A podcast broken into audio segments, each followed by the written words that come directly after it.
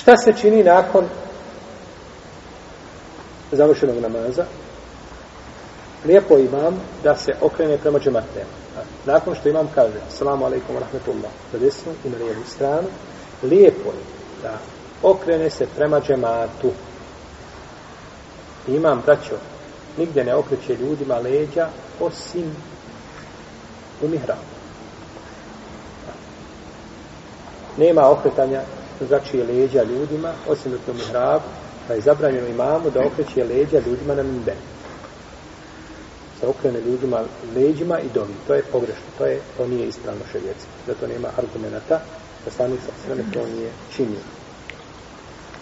Kaže Semur ibn Džundub radijallahu anhu, kako bileže Buharije muslim, kada bi poslanik sa osrame završio namaz, okrenuo bi se prema nama svojim licem. Kada bi završio namaz, okrenuo bi se šta svojim licem.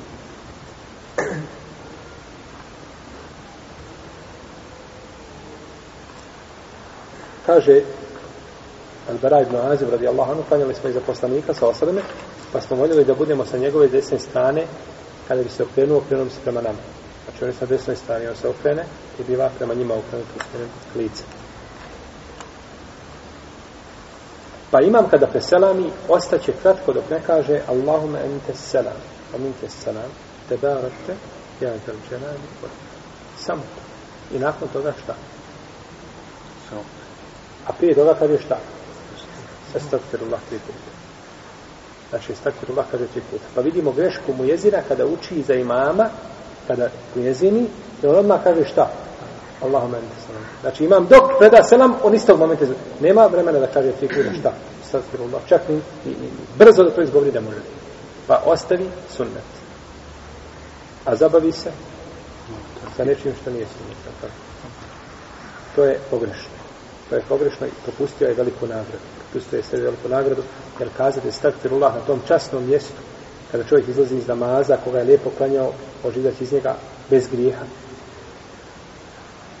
propustio je veliku stvar, kaže na tom mjestu stakfirullah. Kaže tako Ajša radi Allah talana, da je poslanik sa osrame, kada bi te salamio, ostao kratko na tom mjestu dok ne bi šta izgovorio, Allahum ente salam, do kraja, znači, ove dobe.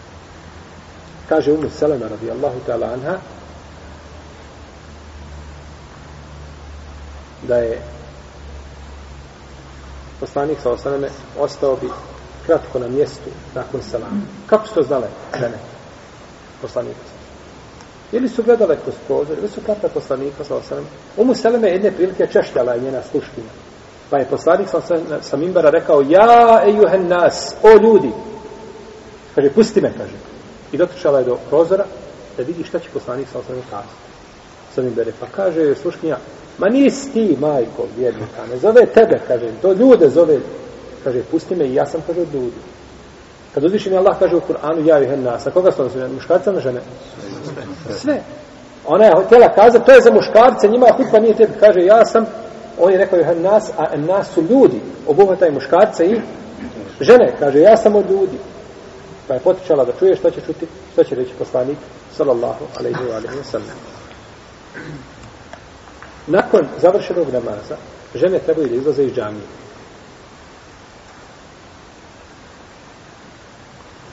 Kaže Umu Seleme, kako je došao od iz koga smo prethodno ili spomenuli, koji se nalazi kod Buharije i Budavuda i drugi, da je poslanik sa osvijem nakon namaza ostao da sjedi kratko. Pa kaže Ibnu Šihab Zuhri, kaže, to smo smatrali da je to činio da bi žene mogle izići iz džamije. Da bi žene napustala džamiju prije muškaraca. I kaže Umu Seleme, da su žene u vrijeme poslanika sallallahu alejhi ve i upada je bližman Buhari u sahihu kada bi preselamio poslanik sallallahu alejhi ve da bi izlazile iz džamije a ostao bi poslanik sallallahu alejhi ve na svom mjestu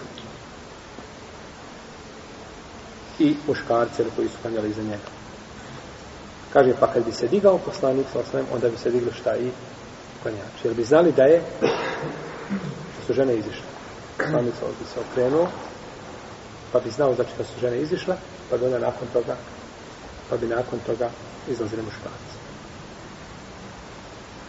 Ovo je svakako vezano ako žene klanjaju u istoj prostoriji sa muškarcima i to nije braće zabranjeno. Nije zabranjeno da žene klanjaju istoj džami sa muškarcima. A neko ne bi došao pa da vidi žene pa da to osudi odma Ne. To je džaiz. To je činio vreme poslanika sa osamene. Sahabijski su to. Najbolje žene su to činile. I to je dozvoljeno. Sad, pogrdno je da žene budu pored vrata, da se može proći pored njih.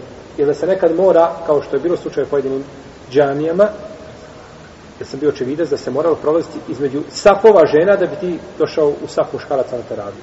To što je puno. I žene staju, znači, popune sapove, i na kraju muškarci ne mogu proći, pa nakon toga prolaze između žena, sva što se dešava, to je pogrdno. Znači, mora se ostaviti prolaz, a drugačije da žene klanju za muškaraca, to nije pogrdno. To nije pogrdno. Pa ako klanjuju za muškaraca, onda trebaju izaći prije, a ako klanjuju same u svojoj musalmu, bilo na spratu, ili pod zemljom, nije bitno, ili odvojeno da je pregrađeno, onda im je dozvoljeno da ostane na svom mjestu, da se čine zikr, tespi, dok god se nalaze na tom mjestu, one su šta u namazu, kao, kao muškarci. Ista je nagrada. Ista je nagrada.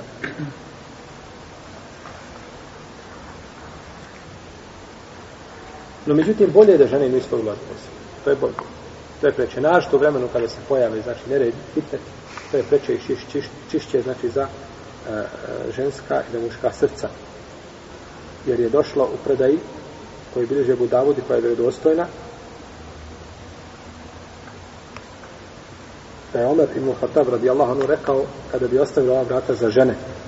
Pa je rekao ibn Omer, kaže, nakon, nikad toga, nakon toga nikad više nisam ušao na ta vrata.